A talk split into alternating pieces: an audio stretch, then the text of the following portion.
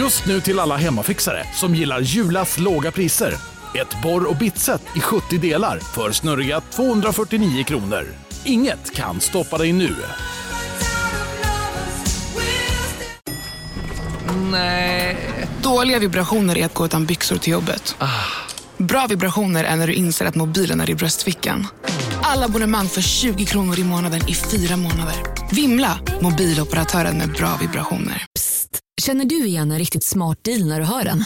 Träolja från 90 kronor burken. Byggmax. Var smart. Handla billigt.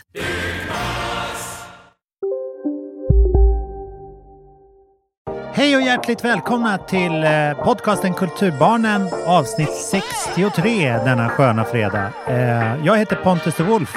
Idag är jag eh, event eh, manager och producent och annars är jag låtskrivare. Hej på dig Ida Thirén! Hej! Ida Thirén heter jag och eh, jag är författare och ibland kulturjournalist. Och just nu befinner jag mig alltså i Paris på Svenska institutet. Sveriges enda kulturhus, kultur, vad säger Mm, man? Kulturinstitution utomlands. Just det. Och dricker en kopp kaffe. Yes. Vilken härlig mix av, eh, av person. Ja, De funkar bra tillsammans tror jag. Ja, jag, jag messade några bilder från min, från min vistelse till en kompis till mig som inte finns på sociala medier. Hon bara, aha, nu fattar jag. Du är Paris. Plötsligt såg hon mig i ett nytt ljus som bara, ah, it all makes sense now. När hon såg mig i Paris, då var det som att hon förstod mig på, på ett annat sätt. Hon bara, okej, nu fattar jag dig. Och jag känner mig faktiskt väldigt, väldigt, väldigt hemma här måste jag säga. Oj, vad härligt. Så det är um, ljuvligt. Vad, hoppas du kan ta med dig lite av det hem sen. Eller alternativt att du aldrig Mm. flyttar hem. Att du bara kan vara kvar där. Det finns de två alternativen. Ja, Eh, och ärligt talat har jag funderat på det här andra alternativet nu för att jag är så himla bekymrad över valet. Och jag, jag vill bara varna känsliga lyssnare att jag kommer inte prata om valet i dagens avsnitt för jag tycker det är för deprimerande. Men mm. jag, måste ju, jag ska ju inte låtsas som att jag inte mår väldigt dåligt över det. Faktiskt. nej. Att eh, det just nu är så här, 60 procent av Sveriges befolkning tänker rösta på ett sätt som gör att Jimmy Åkesson kommer ha väldigt mycket inflytande över våra liv. Och för mig är det ganska skräm det är väldigt skrämmande faktiskt. Mm, mm. Ja, jag har eh, funder- Jag oroar mig inte så mycket över resultatet för det känns mm, meningslöst. Liksom. Men jag, jag eh, står ju där du står, så att säga. Jag är mer intresserad av vad det är som har fått framförallt unga att liksom eh, vad, vad deras politiska förståelse bygger på. Alltså i, Ja. i den här liksom, den är ju byggd på sociala medier i mångt och mycket. Och Mm. förhoppningsvis samtal, sådär. The, the good old way. Ehm, men det, Men det jag vet blivit- inte riktigt mm. vad, det, vad det gör med ju tradition. blivit- Nej, du menar så. Alltså det finns en politisk... Ja, precis. Och det finns en långsiktighet i så här planering och Mm. alltså många beslut som ska fungera tar ju många, många år att bygga upp. Alltså verksamheten tar ju ti- tiotals år att bygga upp. Typ den här platsen jag är på nu, den här, liksom, det tar ju lång tid innan den har etablerats och blivit så fungerande, välfungerande. Mm. Och, sådär. och mycket i vårt samhälle tar ju lång tid. Jag är till exempel orolig för saker som tidskriftsstödet, för smala tidskrifter och sånt där. Ja, Sånt där tror jag kommer vara snabbt ryka när Åkesson får vara med och lägga budgeten och känna liksom att ah, ja, det här med sån här vänster antirasistisk kultur, det kan vi väl sluta ge de där Mm. hundratusen till antirasistiska tidskrifter och, sånt, tidskrifter och sådär. mm. Så jag tror att även om jag inte som då majoritetssvensk eh, är personligt utsatt av den typen av politik som de driver i Sverigedemokraterna, eh, på ett personligt plan alltså, Mm. Ehm, eller individuellt plan ska jag säga, för det är personligt men inte individuellt. Ehm, så kommer jag ju påverkas i mitt arbete. Alltså hur kommer det påverka oss som kulturarbetare om vi lever i ett land där liksom, ja, nu ska man ha en, så här, en hems... Så här, det måste finnas en så här hembygd... Eh, så ska jag säga det här utan att vara raljerande mot hembygds... är inget fel på hembygdsgrejer. Men eh, eh, de så här, ja, du kan få pengar om du skriver om svensk historia, Ja. men inte om svensk antirasistisk historia till exempel. Och det tycker jag känns väldigt oroväckande. ja, precis. Särskilt för att det blir ju en så här kidnappad eh, eh, alltså just den här liksom hembygdstraditionen eh, eller vad man säger, den är ju inte eh, den är ju inte emot någon nu, ny kultur utan den är mer så här hijackad av de här eh, sverigedemokratiska krafterna i liksom PR-syfte. Ja, och jag upplever liksom inte att eh, de andra partierna bryr sig tillräckligt, mycket om kultur, eller om fri kultur, Nej. för att de ska bry sig. Så typ säg att eh, SD bara, nej men vi vill stänga av de här vänsterprojekten, eller mm. de tycker väl det är vänster, alltså typ antirasistiska projekten. Eller liksom. Ja precis, de bara, men, och Moderaterna bara, ja men kan ni låta oss uh, göra den här skattesänkningen? Och SD bara, ja men okej då. De bara, ja men fan mm. skit, i, skit i public service. Ja. jag, tror inte att, jag upplever inte att typ Moderaterna är tillräckligt benägna att liksom, stötta vår verksamhet som vi håller på med, Nej. för att de ska liksom, inte låta det off, vara beredda att offra det för något, något, annat projekt de har. Nej, och jag tror att man ska liksom inte ta den här kulturen som vi upplever att vi har eh, som fun fundamental i Sverige som någonting självklart, utan den bygger Nej, på en exakt. idé och den här idén är ju att eh, starta någonting helt annat. Liksom. Det är inte att så här, göra små justeringar på den nuvarande kulturen i Sverige, utan det är liksom att skälpa den över ända och göra någonting annat. Ja men exakt, och jag tror att ett regeringsskifte nu skulle kunna innebära ett kulturskifte i stort som vi inte har varit med om i Sverige på liksom mm. hundra år. Så jag tror att vi kan vara beredda på att det här kan bli väldigt stora förändringar och många förändringar är ju långsiktiga och kanske inte max första månaden. Börjar mm. man dra ner på vissa grejer som fria kulturen eller på, liksom, ja, då ska vi inte ens gå in på frågor som berör minoriteter och sådär, homosexuella, mm. invandrare. Alltså, jag, jag, känner bara att det här är början på en, det kan bli en slippery slope där man inte riktigt vet vad det är svårt att gå tillbaka. Det är svårt att bara säga, nej men nu ska vi gå tillbaka till det här skattefinansierade eh, kulturen. Ja. det, kan vara. det gör man inte. Det är väldigt sällan, för man, det, det, är lättare att, så här, man börjat skära, har man, bör, har man, det är som ett exempel, eh, nära Bagarmossen där jag bor, när man går till mm. min dotters skola, så är det en liten eh, eh, eh område med ehm, en skogskil heter det. Det är liksom ett, ett ja. litet skog, område, bevarat område för att eh, stötta till Nackareservatet bredvid så att de, djuren kan röra sig genom den här kylen till Nackareservatet. Och sådär. Så det är som ja. en liten skog mellan Skarpnäck och Bagarmossen och jag går där med min dotter varje dag. Och nu ska de bygga en byggväg där, för de ska ha ett stort byggprojekt. Um, mm. Och då väljer de att leda det där, inte genom villaområdet, och by the way. Mm, uh, mm. Där skulle, man skulle lika gärna, lika gärna kunna gjort det genom, genom villaområdet, men man gör det genom skogen, har de tänkt nu. Och den här mm. byggvägen ska bara finnas där i tre till fyra år. Tror du att de kommer ta bort den här byggvägen efter tre till fyra år? Nej, det den var det. väl jättesmidig att ha. det var ju jättebra med den här vägen ja. mitt i skogen. Så rådjuren behöver, kan ju gå någon annanstans. Alltså, det är ja. exakt så jag tror jag, det, det, det är jag rädd för med allt det här andra. Att man säger, ah, men vadå, vi behöver inte ha ska vi pengar till tidskriften, det, det är väl bara dyrt. Liksom. Mm. Och så har vi plötsligt ingen eh, fri intellektuell kultur i Sverige. Men jag kanske ska prata mindre om det här, för jag blir så deprimerad. Ja. och kanske våra lyssnare också. Ja. Men rösta, det är, det är det vill jag säga. Rösta. Ja, och rösta uppmuntra era vänner att rösta. Men det tror jag alla som lyssnar på det är så smarta, alla gör det där, så jag behöver inte säga det. Nej, nej, precis. Ekokammaren Kulturbarnen podcast. Ja, vi är i bubblan. Ekokammaren podcast, det är ett bra. Nytt koncept. Ja.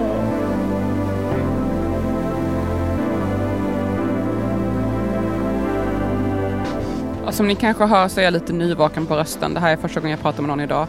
Och det är också för att jag har ju som ni vet tidigare i podden väldigt mycket sömnproblem och ehm, de, jag sov gott några dagar här i Paris, sen har de fortsatt. Och då har jag så vaknat tre timmar på natten och sen så somnar jag om och så vaknar jag nu innan podden började. Så jag är lite nyvaken.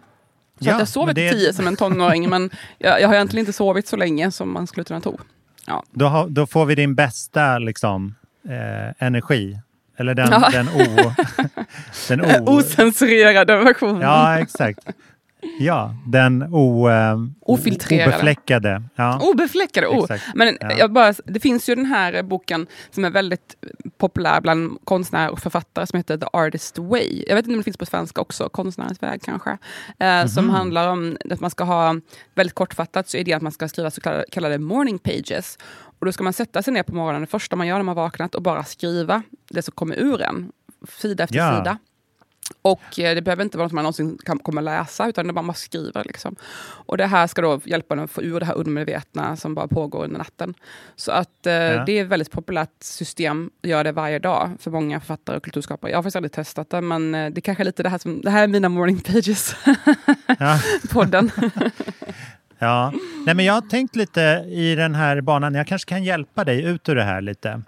Ehm, Oh, please. För att eh, jag har börjat läsa eh, Tove Ditlevsens Barndom ungdom, heter boken. Kommer du ihåg Tove Och de vill jag också läsa. Nu. Ja, men jag vill läsa Ja. allt det där någon dag. Jag har aldrig gjort det. Jag skäms för att jag inte har läst. Så att, ja, please enlighten Mm. me. Hon eh, var en dansk författare och journalist som... Eh, hon var ju väldigt hypad eh, för något år sedan eller två för då släpptes ju en nyutgåva av hennes självbiografiska roman Gift. Som väl, när skrevs den ursprungligen? Har du koll på det? Det var någon Kan gång... det ha varit på 50-talet kanske? Jag kan kolla exakt. Ja, jag tror... 60-70 kanske. Men hon är ju en dansk författare i alla fall som levde ganska... Ja, 67 kom den här som jag, eh, som jag läser nu. Barndom och ungdom. Gift Så, kom verk- 71. Förlåt, jag hade helt fel. 71 kom den. Gud, jag Ah, inte hade du koll. ser. Mm. Men eh, jag tror många, många känner igen temat. Den var het i kulturmedia eh, då. Eh, hon, hon skiljer sig från ett så här, quote unquote, lyckat äktenskap, eh, gifter sig med någon eh, liksom, mindre, mindre lyckat äktenskap för att hon är störtkär eh, samtidigt som hon går på morfin eller heroin och hej och hå. Så att det är gift i dubbel bemärkelse. Eh, men det här är alltså, eh, nu, mera nyligen så släpptes eh, den, de första delarna eh, barndom och ungdom i det här som kallas Köpenhamnstrilogin. Eh, så Gift var liksom det stora genombrottet, men de här hade hon släppt dessförinnan då. Man kan ju också Ehm. passa på att tillägga här då att eh, Gift, eller överhuvudtaget Tove, Tove fick ju ett extremt stort genombrott även i USA, vilket var lite så oväntat. Så här, 50 Ah. år efter hon, hennes död så fick hon ett jättestort Ja. genombrott i USA med de här böckerna nu nyligen. Ja, eh, nej men det är en väldigt så här, det, det är total svärta liksom i texten. Det är bara så här fruktansvärd ångest det mesta. Men det spännande är att läsningen är väldigt, väldigt rolig. Alltså den är skriven med, med extrem så här sardonisk eh, svart humor. Jag kan bara ta en, en liten bit här från eh, början Ja. av kapitel 6. Eh, barndomen är lång och smal som en kista och man kan inte ta sig ut ur den på egen hand. Den finns där hela tiden och alla kan se den lika tydligt som man kan se vackre Ludvigs harläpp. Um, och sen så går den igenom liksom hur, eh, hur barndomen är en så här vidrig grej som alla barn måste bära på och att alla har en så här specifik lukt, att man luktar barndom. Och sen så gräver man ner barndomen i lagen av så här vuxenhet, men man bär alltid på sin pinsamma barndom längst in. Och ibland kommer den ut och så här. Alltså det är väldigt, väldigt dark, Wow. men, men fantastiskt roligt liksom att man har så kul för att språket är så briljant. Ehm, Wow. Jag måste bara säga en sak apropå det du sa nu. Alltså, Mm. ehm, jag kollade på en film häromdagen, eh, Kinesiskt pussel tror jag den hette, eller Chinese puzzle. Den var sådär, det var en fransk film så jag ville kolla på en fransk film. Och då citerade Mm. de bland annat Schopenhauer, att Schopenhauer, eh, jag visste inte det citatet, men att han har sagt att eh, första halvan av livet, eller livet är som en ett broderi, alltså en väv på väggen. Mm. Eh, första, halvan vid, hal, första halvan av livet så ser man på den fina sidan, alltså det här fina broderiet. Och andra halvan av, sidan, han, Ja. andra halvan av livet vänder man här om och ser hur allting hänger ihop. Alltså trådarna som är fästa på baksidan och sådär. Ehm, och det Ah. låter lite som det du beskriver, så här, att man, man upplever först barndomen, alltså det kanske inte är så fint då, men man upplever först det, och sen så måste Nej. man gå igenom resten av livet och processa hur det här har hänt. Ja, ja, Hur ja. man blev det man blev. Ja, alltså det där, side note, jag märker så mycket vänner som måste gå igenom sina föräldrars liv nu. Alltså de blir sina föräldrar i den här åldern nu, när de själva är föräldrar. Ah, vilket sätt då menar du? Nej men att de liksom, de, om det gjordes något misstag i barndomen till exempel, då är man där och ska göra om det. Bara för att liksom identifiera sig med, jag tror väldigt mycket på att liksom Undermedvetet alltså? så här, hur tänkte min mamma och pappa egentligen? Jag måste göra som de gjorde för att, för att kunna tänka på, hur de tänkte, hur de såg på världen. Liksom. Förstår du vad jag menar? Alltså om man, Alltså undermedvetet menar du nu va? Inte medvetet? nej jag tänker medvetet, att man liksom, om man är ett skilsmässobarn, barn, då, då är det större risk att man, större chans att man skiljer sig själv. Och jag tror en del är bara för att liksom få se skilsmässan från sina föräldrars synvinkel. Alltså om man själv upplevde det som ett trauma som barn. Ja, min, alltså, kanske, men i så fall tror jag kanske det är mer undermedvetet än medvetet. Jag tror inte man bara säger nej men nu måste jag skilja mig för min pappa skilde sig. Jag tror inte Ja, ja. det är så Nej, man tänker jag- riktigt. Om alla bara lyssnar på mig så kommer det bli medvetet. Det är så jag menar. Eh, men Nej, men det, jag tror man som barn liksom inte fattar hur ens föräldrar tänker. Så att när man själv till exempel blir förälder så, måste, så börjar man tänka som en förälder själv. Så då kan man ju dels så här, ja men aha, det var så här mina föräldrar tänkte. Det var därför de inte orkade göra si och så. För att det är jättejobbigt. Ja, det tänker jag ofta på som Ja. förälder. Mm. Du ser. Eh, gud. och, den an- och så eh, sardonisk författare nummer två som jag har börjat läsa. Eh, det är mindre skurar. Det, eh, det kan jag råda alla att göra som har Twitter, nämligen att följa eh, Alexej Navalny. Kommer du ihåg Navalny? Ja, han som blev giftmördad, eh, ryska motstånds... Han blev inte mördad, men han försökte ju bli mördad, mördad. av Putin. Men Ja, han var ju motståndare till Putin Ja, och och ville bli president. är ju fortfarande... Ja, han ville väl få ställa upp i ett fritt val. Var väl hans första steg. Ja, Eh, precis. Det kanske var det. men eh, Steg ett. Han sitter ju... Precis. Han blev ju dömd till nio års strafffinka eller någonting för att han inte dök upp till rättegången för något bedrägeribrott som var liksom... Och det, han dök ju inte upp på grund av att han låg i koma i Tyskland. Så att det är en så här riktig Kafka-berättelse. Ah, jobbig. Ja, verkligen Kafka. Ja, men så att de försöker ju hålla honom borta från all typ av makt som går. Men han kommunicerar med omvärlden via sina advokater som twittrar åt honom.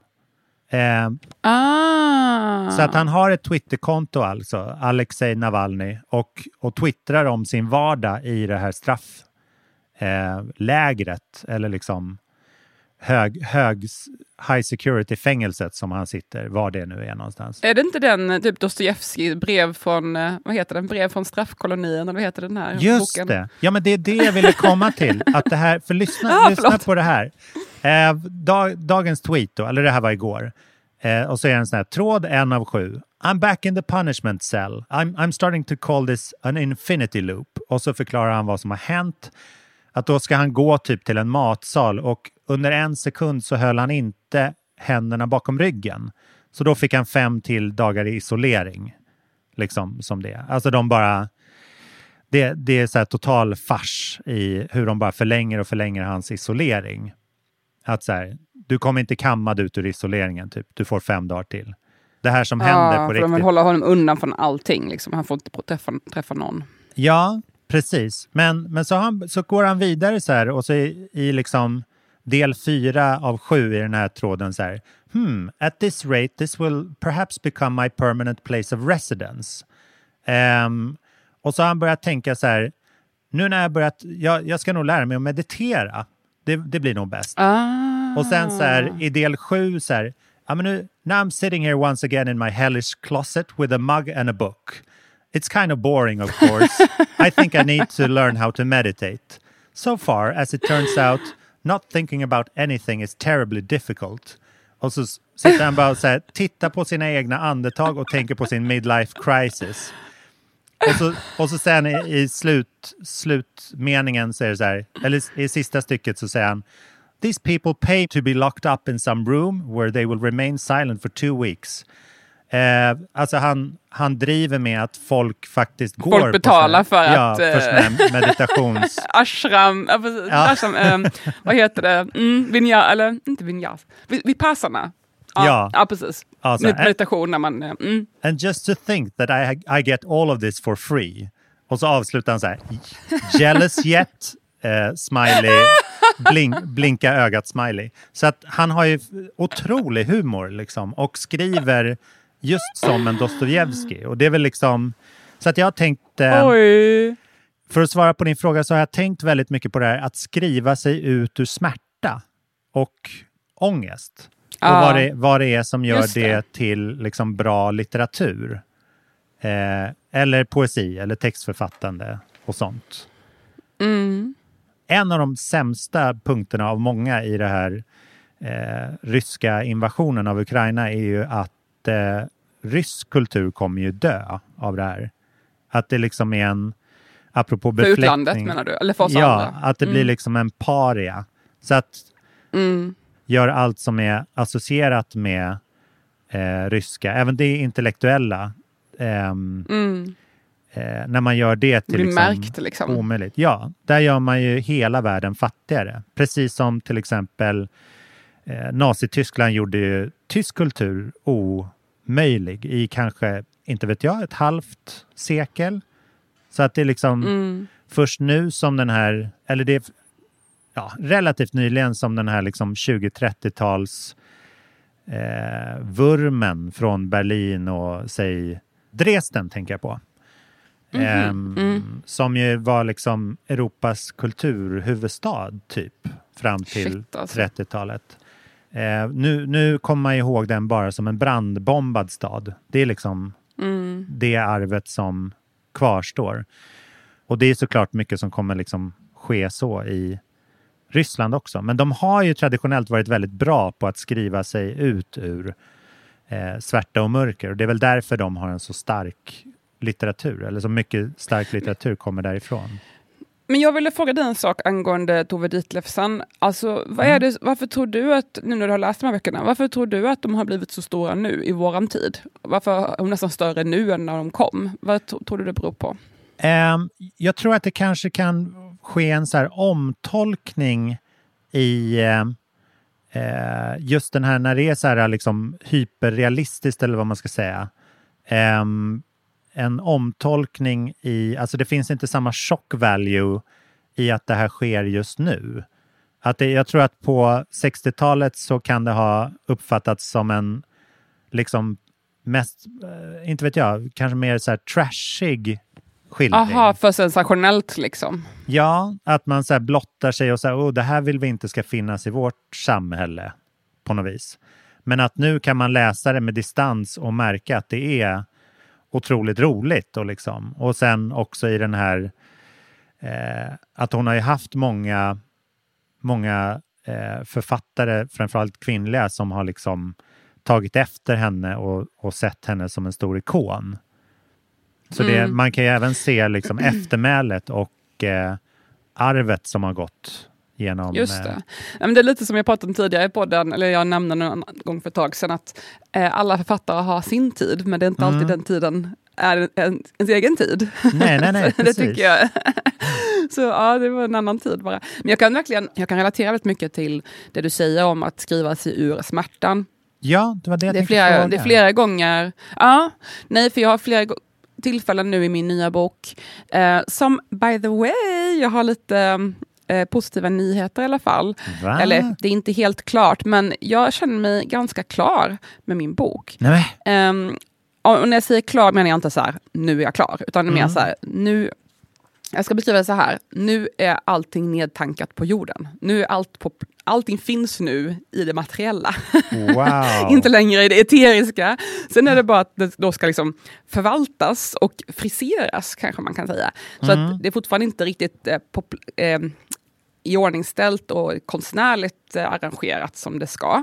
Men Mm. all text som ska, alla händelser som ska sk- finnas i boken finns nu nedskrivna i dokumentet. Mm. Så nu är det bara att jag behöver liksom eh, fixa lite och trixa lite och sådär. Och, och så kände jag inte för en vecka sedan. Så det känns väldigt härligt faktiskt. Nu känner jag så här, det blir en bok. Mm. Och det, jag pratade med min nya vän här då, litteraturprofessorn som jag blivit kompis med.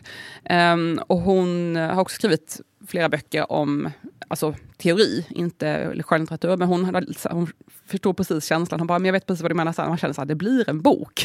Ja, alltså den ja. här eh, lite ruset, bara, oj, det, här, det är inte längre bara så här, ett projekt som vi får se vad det tar vägen, kommer det bli någonting? Nu är det så här, nej, det här blir en bok. På något sätt, kom, även om jag skulle dö ikväll, Ja. så kommer någon kunna fixa till det här så det blir en bok. Det är inte Ja. längre så här, lösa tankar på olika papper och i mitt huvud och så här, ute Nej. i etern, utan nu är det i det fysiska och materi materiska, materiella. Men nu behöver det bara bli till konst ordentligt.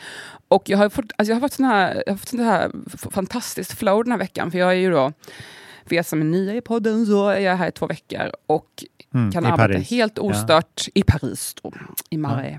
Och eh, eh, kan arbeta helt ostört utan ansvar för barn och familj och sådär. Ja. Eh, Ostört som- innan jag, som- när inte jag ringer. Som, Ja, precis. Utom du. Du, du är den enda som jag pratar i telefon med faktiskt. Um, nej, men alltså, ni vet, som manliga författare brukar leva hela sitt liv förr i tiden. Ah, så lever ja, jag i två veckor Så. nu. Mm, ja, mm. Eller förresten, jag har ingen som lagar mat åt mig. Men jag har en, Jag en robotdammsugare, så att det är nästan... Ja. ja, Man men, ringer eh, hem ibland till Sverige och bara, har du fött än?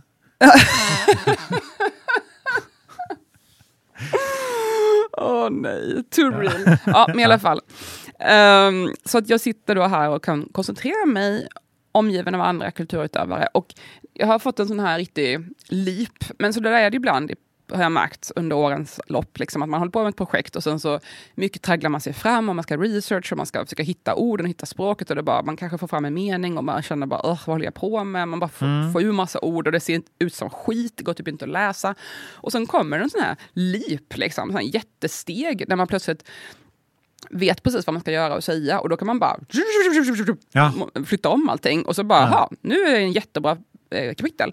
Och en väldigt tydlig grej som jag har lärt mig och som jag har märkt då, både i den här boken och i min förra bok, men även mina tidigare opublicerade projekt då, som inte är lika Mm. bra, tycker jag själv. Men det jag har lärt mig nu på senare år, när jag blivit lite mer bättre på mitt verktyg, man ska säga, rent tekniskt, det är ju att väldigt mycket information kan man montera in i scener. Så om jag har massa information jag vill, vill liksom förklara för läsaren, säkert då jag som skriver historisk eh, relaterat material, så det är mycket faktiskt saker man bara behöver förklara och få med, liksom beta av. Och då kan man, ibland har jag så här utspridda tankar och idéer som ligger i olika dokument. Bara, det här jag, måste jag ändå få med för att folk ska fatta. Och då kanske man, plötsligt får man en idé om en scen. Så bara, okej, men nu eh, sitter de och käkar middag ihop. Okej, men då slänger jag in den här informationen i en kommentar i dialogen. Och så droppar de det. Ah, men vad tycker du om det här? Vad tycker du om att Titanic precis eh, gick ner? Eh, sjönk, sjönk liksom. Eh, Och då har du redan informerat folk, så folk har, aha, nu befinner vi oss här, just det, Titanic. Alltså Ja, just läsaren just får, så här, kan förhålla sig till någonting som inte känns så kul. Bara så här, det var det året som Titanic gick på grund. Alltså Ja. det kan man ju också skriva, men det är ju mycket roligare att ha din dialog som bara, ah, vad tycker du om Titanic? Så att alltså, man får den här känslan av att en scen där de naturligt, liksom, man får Mm. in information man vill ha med. Och så kan man göra scenen kanske fyra sidor lång och i det kan man liksom montera in lite flashbacks där man kanske säger jag tänkte på dagen, in- dagen innan när det här hände och så kan jag montera Mm. in lite information där. Så att man får in de här scenerna istället för att jobba bara med eh, sen hände det här och sen hände det här och sen Ja. hände det här. Och det tycker jag, det tycker jag är som skillnaden mellan Hej, Synoptik här. Visste du att solens UV-strålar kan vara skadliga och åldra dina ögon i förtid? Kom in till oss så hjälper vi dig att hitta rätt solglasögon som skyddar dina ögon. Välkommen till Synoptik. Just nu till alla hemmafixare som gillar julast låga priser. En slangvinda från Gardena på 20 meter för vattentäta 499 kronor. Inget kan stoppa dig nu. Ja, Hallå? Pizzeria Grandiosa? Jag vill ha en Grandiosa capriciosa och en pepperoni. haha, något mer? Med kaffefilter. Ja, Okej, ses samma. Grandiosa, hela Sveriges hempizza. Den med mycket på. en bra bok och en mindre bra bok är att en bra bok ofta har de här liksom, man är i på en plats, man bara shit det händer grejer här och så får man i sig massa information utan man fattat hur. Alltså Ja, det bara ja. slinker ner. Medan en bok som är lite mindre kul är så här, sen händer det här och sen händer det här och sen händer det här. Ja. Och liksom man får aldrig riktigt en känsla av var man befinner sig och det är bara inte samma grej. Så det tycker jag att jag har blivit bättre på själv och det märker jag nu i den här processen. Var det jag skulle komma till, att jag befinner mig nu. Nu är det som att jag kan sluka upp en massa grejer som tidigare var lite lösryckta och eh, tråkiga och sådär. Och nu kan jag Ja. bara komprimera dem till kanske en, två meningar i en dialog, i en scen. Så att nu är det som att jag bara slaktar loss massa papper, massa grejer och monterar in dem i scener. Och det har jag gjort nu i den här veckan. Skrivit säkert tre, fyra stora scener som, som kanske fanns förut, men nu är de liksom mycket, har de svällt upp och, in, och sv- svalt en massa annan information. Does that make Ja. sense? Jag vet inte om det här är logiskt. För, är, det för, är det för abstrakt eller förstår man vad jag menar? Nej, jag tror jag förstår. Absolut. Att du liksom har destillerat, att du märker att du har liksom alla ingredienserna färdiga. Typ. Ja, men det är lite precis, precis så är det. Att man har liksom ett kylskåp med mat som man vill äta under, veck, under, veck, under Ja. dagen. Och så bara hittar man ett recept där man kan liksom få ner allting. Ja, Och så plötsligt har man eh, en maträtt ehm, istället för ett eh, picknick. så, Man har en utsökt maträtt istället för en buffé. Ehm, jag vet inte om det här är logiskt Förstår man vad jag menar? Eller? Ja, men det förstår man. Jag tycker alltid det är fascinerande också, för apropå det här Titanic-exemplet du gav. Det finns ju de som är bra på att sätta ut sådana markörer och sådana som inte är bra på det. Och sen finns det de mittemellan. Eh, för att man, man, man kan ju ofta, man måste ju också liksom tänka sig in i hur de människorna på den tiden tänkte kring till händelsen. Så att det kanske liksom blir ännu mer realistiskt ifall man säger så här, ah shit, hörde du om den där båten som la ut från Southampton och sjönk? Liksom, vad var den hette det är nu? sant. Alltså Ja. att det blir liksom... eh, Just det. Mm. Eh, det, det blir liksom ännu mer ultra, lite, lite så här creative writing-sport att hålla på så. Men ibland kan det ju avslöja en om man är för så här eh, explicit i Just sina det. så här, tidsmarkörer. Att då blir det bara så här, ja, men man tänker ju inte så i verkligheten. Ah, ja. Men det var Alltså, min bok, note. nej men jätte, jätte, jätte, jättebra poäng. Och min bok utspelar sig under både första och andra världskriget. Så att det är väldigt Mm. intressant för att när, när det är under första världskriget, då är det ju bara kriget. Det är Ja. ingen som säger ah, det är första världskriget. Man Nej. säger bara ah, shit vad jobbigt med kriget. Liksom. Ja, Alltså, det är ingen som vet om. Och även under andra världskriget, man kanske inte ens har börjat tänka så än. Man kan säga nu är det krig igen. Liksom. Ja, ja, ja, man kanske exakt, inte ännu har ja. reflektera så här, metanivån. Ah, det var det första och andra världskriget som var de här åren. Ehm, Ja, och det är ju Och, en så här, eh, att kalla det för världskrig är ju lite av en PR-kupp också för att få med USA Jo. till exempel. Eh, så att det, det finns ju massa aspekter av det där. Ja, och sen, det är ett bra exempel som du ger. Och sen ja, men andra grejer som är återkommande i min... Till exempel en återkommande grej i min bok är då att det finns en, eh, en, en förening, kan man kalla det. Jag vill inte avslöja för mycket, men vi säger att det är en förening. Och då heter den, vi hittar på ett annat namn, heter ehm, eh, Gustavsbergsföreningen. Ja, Och då, då, när man pratar om det i dagligt tal skulle jag säga till dig att vi, vi går dit varje vecka på den här platsen. Då säger man inte, ska du till Gustavsbergsföreningen på fredag? Då säger man bara, ska Ja. du till föreningen på fredag? Eller ska du till Gustavsberg på fredag? Alltså, Ja, man kan det. kalla det för det då. ja. Eh, så det är också sådana saker man tänker på i boken. Att så här, ju mer be- bekväma de är med någonting, desto mindre formella kommer de vara med det. För det får ju oftast smeknamn eller förkortningar. Jag går ju Ja. inte till Medborgarplatsen, jag går ju till Medis. Liksom. ja, ja, precis. Alltså man, så att, lite sådana här saker. Men apropå din fråga då, om, om också, nu är jag slut, slutfasen av boken, hållit på med det här i två år, varendaste Ja, ja. dag, liksom, åtta timmar. Så jag, nu känner jag egentligen att jag behärskar mitt material. Och det tog ju mig över ett år innan jag ens kände att jag visste vad jag skulle skriva om. För det var så extremt mycket research som behövde göras, som inte fanns att till, få tillgång till. Mm. Utan att jag gör det på egen hand. Och jag har varit i arkiv och hit och dit.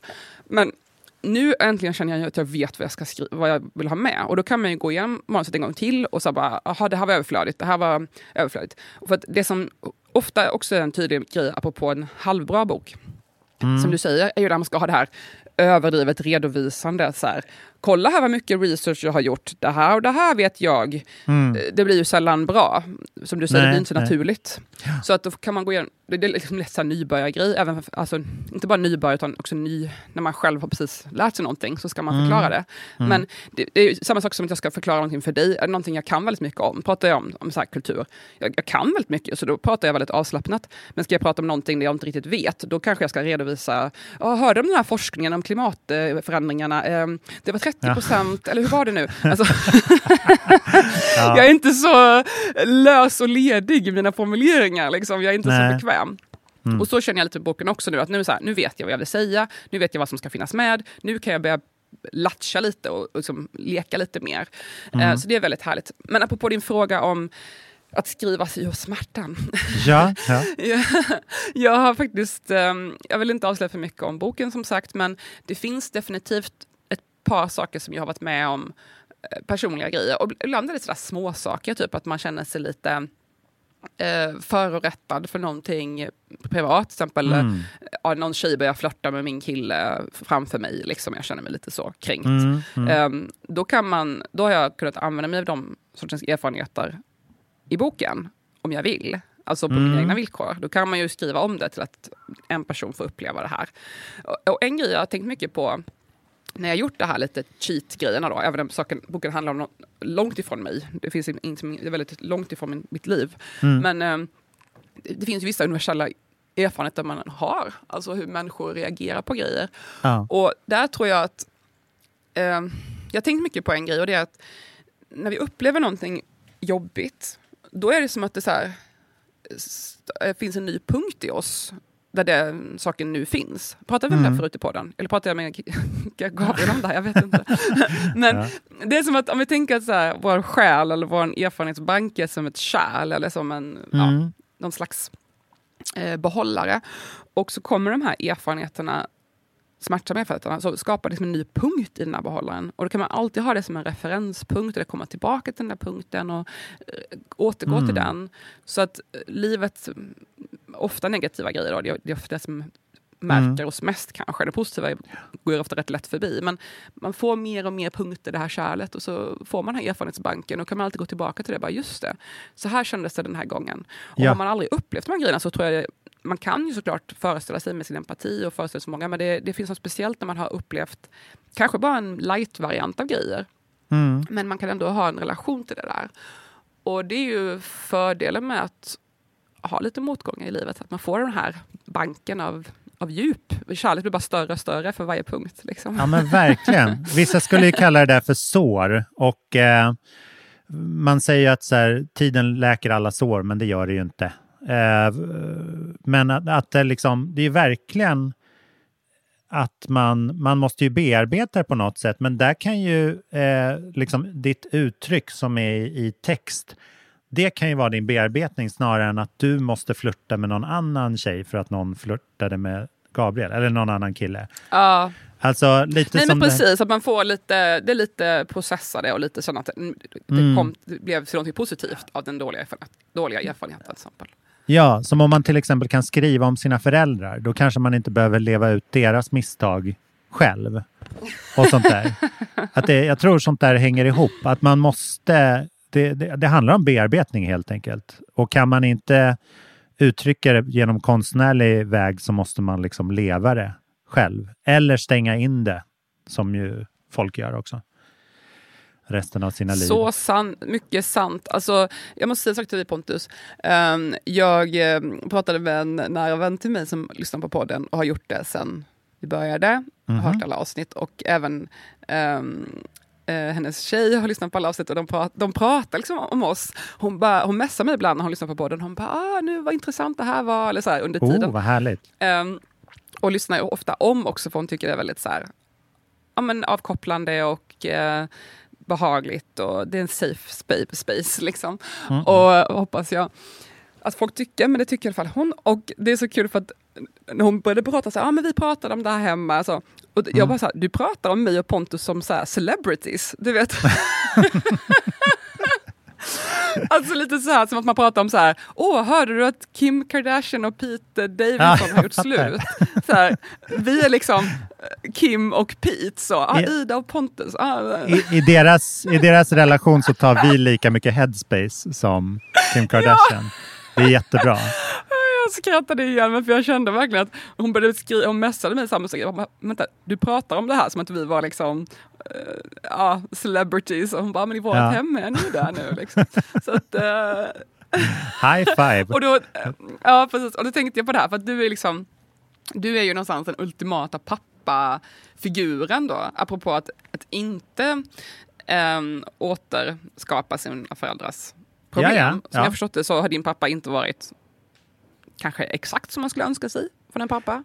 Nej, inte, inte superkapabel, men jag har ju också sett var han kom ifrån och sådär. Han hade ju till exempel ingen pappa själv och en mamma som var ganska ute efter att leva ett annat liv än att vara just toppenförälder. Så att det, ja, ja, nej, men det, Ah, okej. det, det Nej, stämmer men jag undrar helt. lite hur du har gjort det här, för att du sa ju precis att, att många återskapar sina Ja. egna problem. Men du Nej, men- verkar ju gått den motsatta vägen, för jag vet ingen som är så ultimat perfekt, fan vad inte perfekt, men bra pappa typ. Och du är så här, du är så här bra person. Typ. Jag har liksom inget ont att säga om dig. Och det är ingen som, lyssnar, som jag känner, som lyssnar på podden eller som känner dig, som har ett ont att säga om dig. Och jag undrar bara, Ah. hur har du lyckats eh, inte då återskapa dina föräldrars problem? Om det är som du Eh, säger. nej, men jag har gjort som min mamma gjorde istället. Ah, Eh, för hon jag- var liksom... Ja, hon är, hon är toppen. Hon är fem plus. Ehm, Mhm. Så att hon kompenserade ju ganska mycket för sånt som han var liksom... Han var inte en elak typ. Han var mer en liksom ganska deppig. Alltså han, han gav jättemycket kärlek och eh, trygghet och så och vände aldrig ryggen. Men han, han var helt hopplös inom de liksom eh, sociala bitarna eller praktiska saker och sånt där.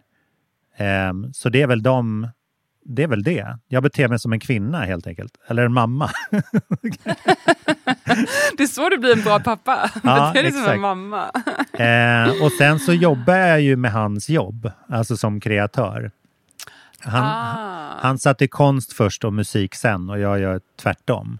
Så att det är liksom, jag, jag lajvar ju hans, eh, det, det livet jag såg honom leva, vilket var att han målade jämt. Eh, bara att jag gör det på ett annat sätt. Men Eh, hur kände du inför så manliga förebilder? Vad, vad, har, du haft manliga förebilder som du tycker är bra? Eller hur känner du inför den grejen? Ja, alltså jag har ju en, en rolig manlig förebild som är min halvbror. För att min halvbror till är ju född 40, 1948. Han är alltså liksom i vår föräldrageneration. Ah. För min, Mm. papp, min pappa föddes eh, 1920. Så han hade liksom en, en familj en generation innan jag kom. Eh, så en väldigt speciell familjehistoria och sådär. Men det betyder ju att jag har en halvbror som är i, i de andra pappornas ålder. Som jag liksom kan vara helt öppen och trygg med. Som inte har liksom en uppfostrande ställning gentemot mig. Men som, förstår du? Att det, jag kan se honom Det kanske, helt... är, puff- kanske är perfekt egentligen. Ja, det är helt grymt. Det är väldigt mycket så här bysamhället. Eller liksom den lilla italienska byn. Eller att man, att man kör liksom förebilder över familjegränserna eller vad man ska säga. Tomten är far till alla barnen. Eller? Ja, men det är också, Nej, det är men, också, det är också min halvbror. Han hade ju också en, en supermusikkarriär när jag växte upp under 80-talet. Eh, med ett band som hette Hans on the Wolf United som han sjöng och skrev musiken till. Som, Mm. som alla i vår föräldrageneration känner till, kan jag garantera. Ja, det har jag märkt när jag sagt att jag har en podcast om eh, Pontus de Wolf. Aha, oh, vad- vänta. är hans pappa i det där bandet? Ja. precis, det är alltid den reaktionen. Eh, jag, jobb, jag jobbar med dem nu. Vi, ska, vi håller på att sätta ihop en comeback som jag Ja. kan berätta om snart. Ehm, Men eh, där, han, han gjorde ju att det såg naturligt ut att ha en så här, pop och låtskrivarkarriär för mig. Så att jag, Ah, tänk, jag tänkte att det var mm. så här, ja, ja, man målar, ja, ja, man skriver musik, ja, ja, man står på scen. Mm. Eh, så det var ju apropå vårt tidigare samtal om, om att vara kulturbarn. Här Så det låter lite som att du beskriver att du hade liksom så två halva pappor som blev till en hel. Du kunde plocka Mm. lite det du ville ur fadersgestalterna och skapa en, en bra fadersgestalt. Eh, Alltså, det låter väldigt befriande här att man har en fadersgestalt som ändå inte är en person som man har, har det här traumat av uppväxten Mm. med. Apropå det vi pratade om tidigare då, med Tove Ditlevsen, att barndomen är ett, eh, liksom fruktansvärt och måste gå Ja. igenom. Ehm, att den innefattar ju såklart många motgångar och man lär sig genom dem. Och, och vissa saker sitter ju kvar som händer i ett barndom, även om det är små saker. Ja, visst. Eh, typ någon, någon sa det där, hon fick mer... eh, ja, men som min dotter fick inte något födelsedagskort för hon fyllde på sommaren. Eh, Mm. Så då hade de glömt att ge henne födelsedagskort. Och hon är ju liksom, tänker ju på det jättemycket. Och jag förstår ju så här någonstans, det är typ en sån grej som kan finnas kvar i vuxenlivet, att man känner sig lite förrättad. Bara, jag fick aldrig det där Ja. födelsedagskortet. Ja, det kan Alltså, vara så enkelt, egentligen- ja. Ja, det kan vara Mm. så små saker som kan, kan sätta sig. Och Mm. Ens förälder är ju nära förankrat med det här, alla de här jobbiga sakerna i barndomen som är i proportion Mm. kanske små, men eh, kommer alltid finnas där. Och den här halvbror du beskriver är ju någonstans frigjord från det och kan existera Ja, ja, utanför det här eh, ansvaret. Ja, för jag, behöver ju, jag behövde ju aldrig revoltera gentemot honom. Som jag gjorde mot mina föräldrar kanske. Eller så här, flytta hemifrån från honom. Jag kunde inte bli Mm. besviken på att han just glömde de här korten. Liksom. Och samtidigt Nej. så, så ska jag nämnas att han, han har alltid varit liksom en superpappa gentemot sina barn. Så där hade jag liksom en, en verkligt en, en så pappaförebild. Men Mm. som var närstående men kanske inte min pappa. Men det liksom det var väldigt eh, flyende gränser där. Mm. Ja, men Eh, intressant. Tack för att ja. du delar med dig lite. Det här är väldigt... Tack. Jag tar åt mig Eh, jättemycket av de här komplimangerna. Det känns väldigt skönt. Nej, men jag tycker det är så kul med dig, att du är så det finns det har flera som har sagt till mig, så som har hört på den, bara, Åh, men det är så intressant, Pontus ställer frågor och så här. Det är så Mm. ovanligt att höra en man ställa frågor. Alltså, Ja, det är... Är The bar is pretty low. Ja. men... Åh gud. Eh, Men Mm. ehm, tyvärr, och då behöver man ju se att det finns bra män där ute. Ja. Ehm, särskilt då apropå politiken som vi pratade om tidigare, att ehm, 25 procent av alla unga män vill rösta på Jimmie Åkesson och så vidare. Ja. Men som sagt, ska inte prata om det. Men, ehm, För att han var som deras pappa. eh, Men eh, ja, ja, precis. Där sitter det nog alltså.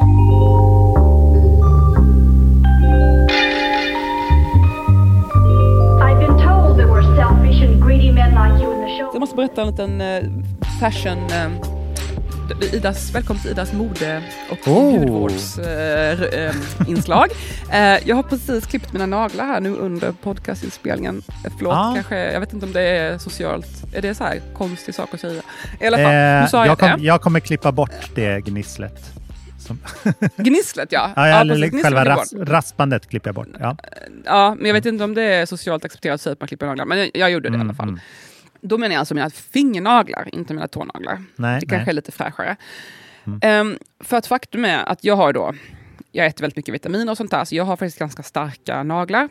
Mm. Och ehm, eh, eh, inte för att bryga nej, jag bara blygsamt Skryt. skryt. Ja. Nej, men eh, ehm, jag glömmer ofta bort då att klippa, att klippa mina naglar. De bara växer och sen så inser jag att de har blivit väldigt långa. Och jag har, har typ aldrig använt nagellack i mitt liv, för jag tycker att jag tror inte att det är bra för kroppen. Jag är ju lite hippie. Jag tror att det Fattar. är, gift, det är ju kemikalier som går rakt in i ens kropp. Så jag är lite, och plus att jag har märkt att när man använder nagellack så blir naglarna svagare. Jag har ju väldigt starka naglar, men använder jag nagellack någon gång sådär om året, så direkt börjar de flaga sig och sådär. Då. Så det är som ett beroende, att när folk väl har börjat så måste de fortsätta för annars så, de får ju dåliga naglar, då måste man täcka för dem med nagellack. Ja, som dåliga Men- mjällschampon. Exakt. Det är som en, de är gjorda för att man ska behöva bli beroende av dem. Mm. Men med det sagt, nu klippte jag då naglarna och det var inte av, det var tvärt emot estetiska skäl. Jag tycker det är väldigt snyggt med långa naglar. Jag tycker ändå att de var fina innan, de var formade och fina och sådär. Men Mm, mm. jag får så ont i mina händer, Pontus. Mm. För att nu sitter jag vid tangentbordet här som en galning. Um, alltså Ah. timme ut och timme in. Jag satt uppe till klockan två i natt och liksom, jag håller på dag, morgon, natt och dag och skriver på den här boken och har jättebra flow. Men jag måste ju böja fingrarna, alltså man har långa naglar, då måste man ju böja fingrarna jättekonstig position. För plötsligt har du så en halv centimeter eller en centimeter längre fingrar. Ja. Ehm, så det blir helt så här, jag skriver extremt snabbt har jag, har insett. Ingen, jag har inte märkt det själv, men min kille trodde, trodde att jag skämtade när jag skrev, han såg mig skriva första gången. Han bara, jag trodde du låtsades skriva på tangentbordet för det går så snabbt. Ehm, och det, jag vet inte, jag har inte reflekterat över det, för jag jobbar alltid själv. Liksom, det är ingen som ser mig skriva, så jag vet inte. Men jag har i alla fall fått jätteont i mina leder. Så jag börjar Oh, oroa mig att jag ska få typ artro, artros eller någonting. Alltså jag har Ja, jätteont. Så att nu, Kapraltunnelbeteende. Ja. Ja, fast i liksom fingerlederna. Så Mm. nu klippte jag dina naglar för att jag ska kunna skriva mer. Så det här är Mm. mitt lilla eh, fashion-tips för skribenter. Att Ja, eh, klippa ja. naglarna. Du kan ju också starta en, en YouTube-kanal, en sån ASMR-kanal för att casha in lite extra vid sidan om. Jag Det bodde i Paris och var ung och behövde pengarna. Roligt. Ja, Onlyfans med ASMR. ja, nej, men det var mitt lilla tips för dagen. Klipp naglarna. Ja, jättebra. Mm. Jag blev, jag blev varse en så här, när jag tänker på att skriva sig ur sorg så har jag alltid en, ett så exempel själv med att jag debuterade med, jag släppte en skiva på svenska ehm, för, jag, jag kollade upp nu faktiskt, det var faktiskt exakt tio år sedan i måndags. Jag måste göra någon slags happening kring det här. Eh, Shit. jag kommer gå ut på Instagram och skriva 10-årsjubileum, obs. Eh, men det, det är en skiva på svenska som jag skrev, eh, låtarna till den skrev jag utifrån liksom hjärtesorg och att jag hade blivit dumpad och allt det här. Eh, och det blev jättebra låtar och, och jättebra texter. Och sen under liksom inspelningen av det här, det var typ då som jag och Elsa träffades. Ehm, så att hela det här med att... Och då, då blev jag liksom jätte, jättelycklig. Och efter det så kunde inte jag skriva på flera år. Alltså jag kunde inte skriva bra texter. Då fick jag gå över till Oj. engelska igen och göra liksom Oj. vanlig pop. Ehm, så det var, det var väldigt konstigt minns jag att så här, släppa den här skivan eh, och ha alla de här ämnena om osäkerhet och olycka samtidigt som jag själv var jättelycklig och jätte Mm. självsäker.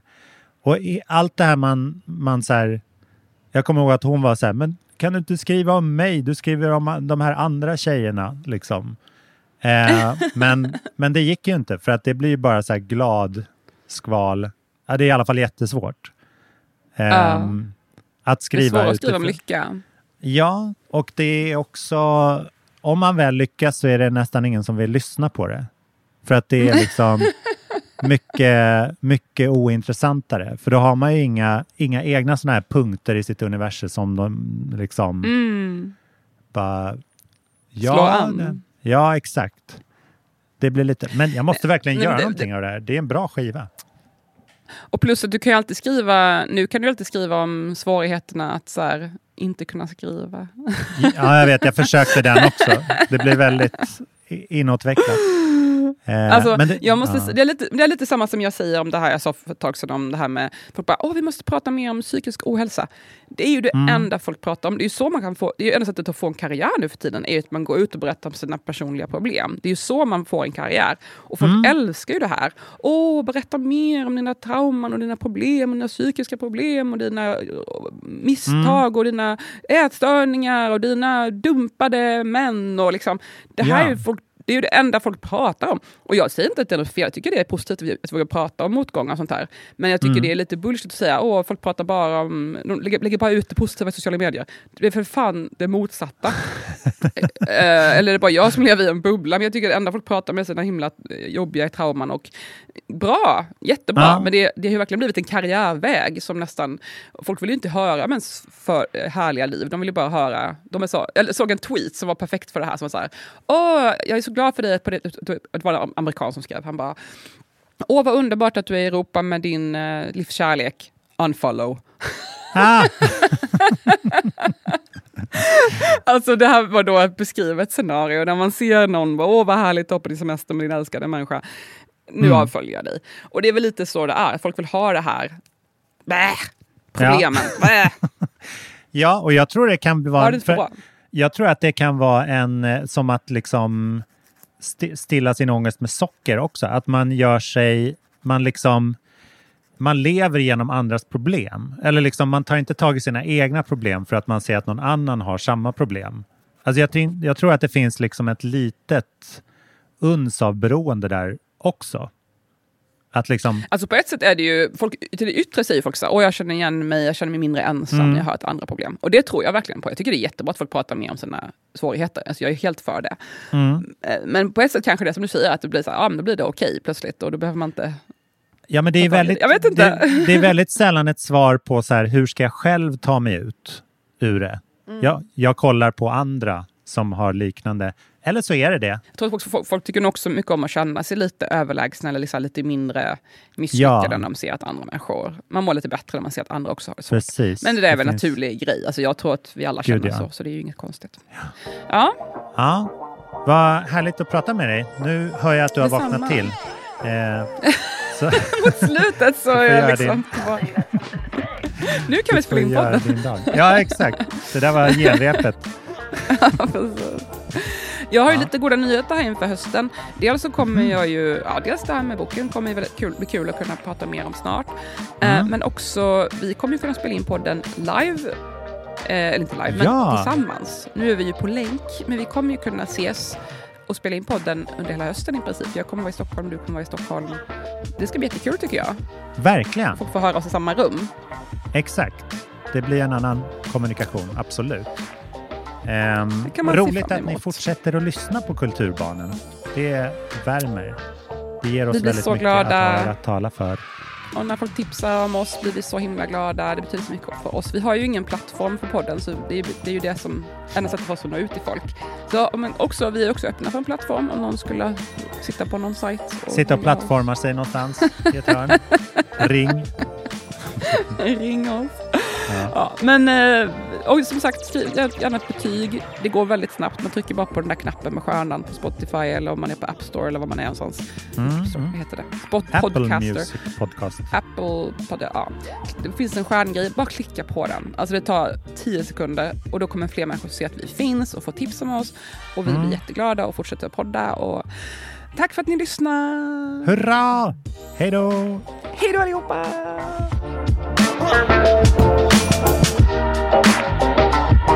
Thank you.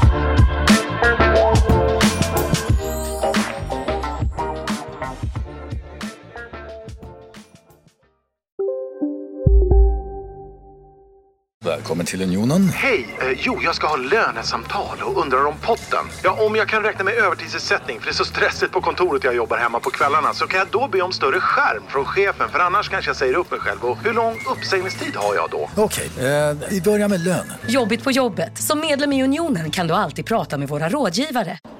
Kolla menyn. Vadå? Kan det stämma? 12 köttbullar med mos för 32 spänn. Otroligt! Då får det bli efterrätt också. Lätt! Onsdagar är happy days på IKEA.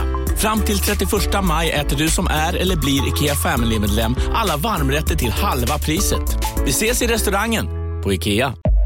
Upptäck hyllade XPeng G9 och P7 hos Bilia. Våra produktspecialister hjälper dig att hitta rätt modell för just dig. Boka din provkörning på bilia.se xpeng redan idag. Välkommen till Bilia, din specialist på XPeng.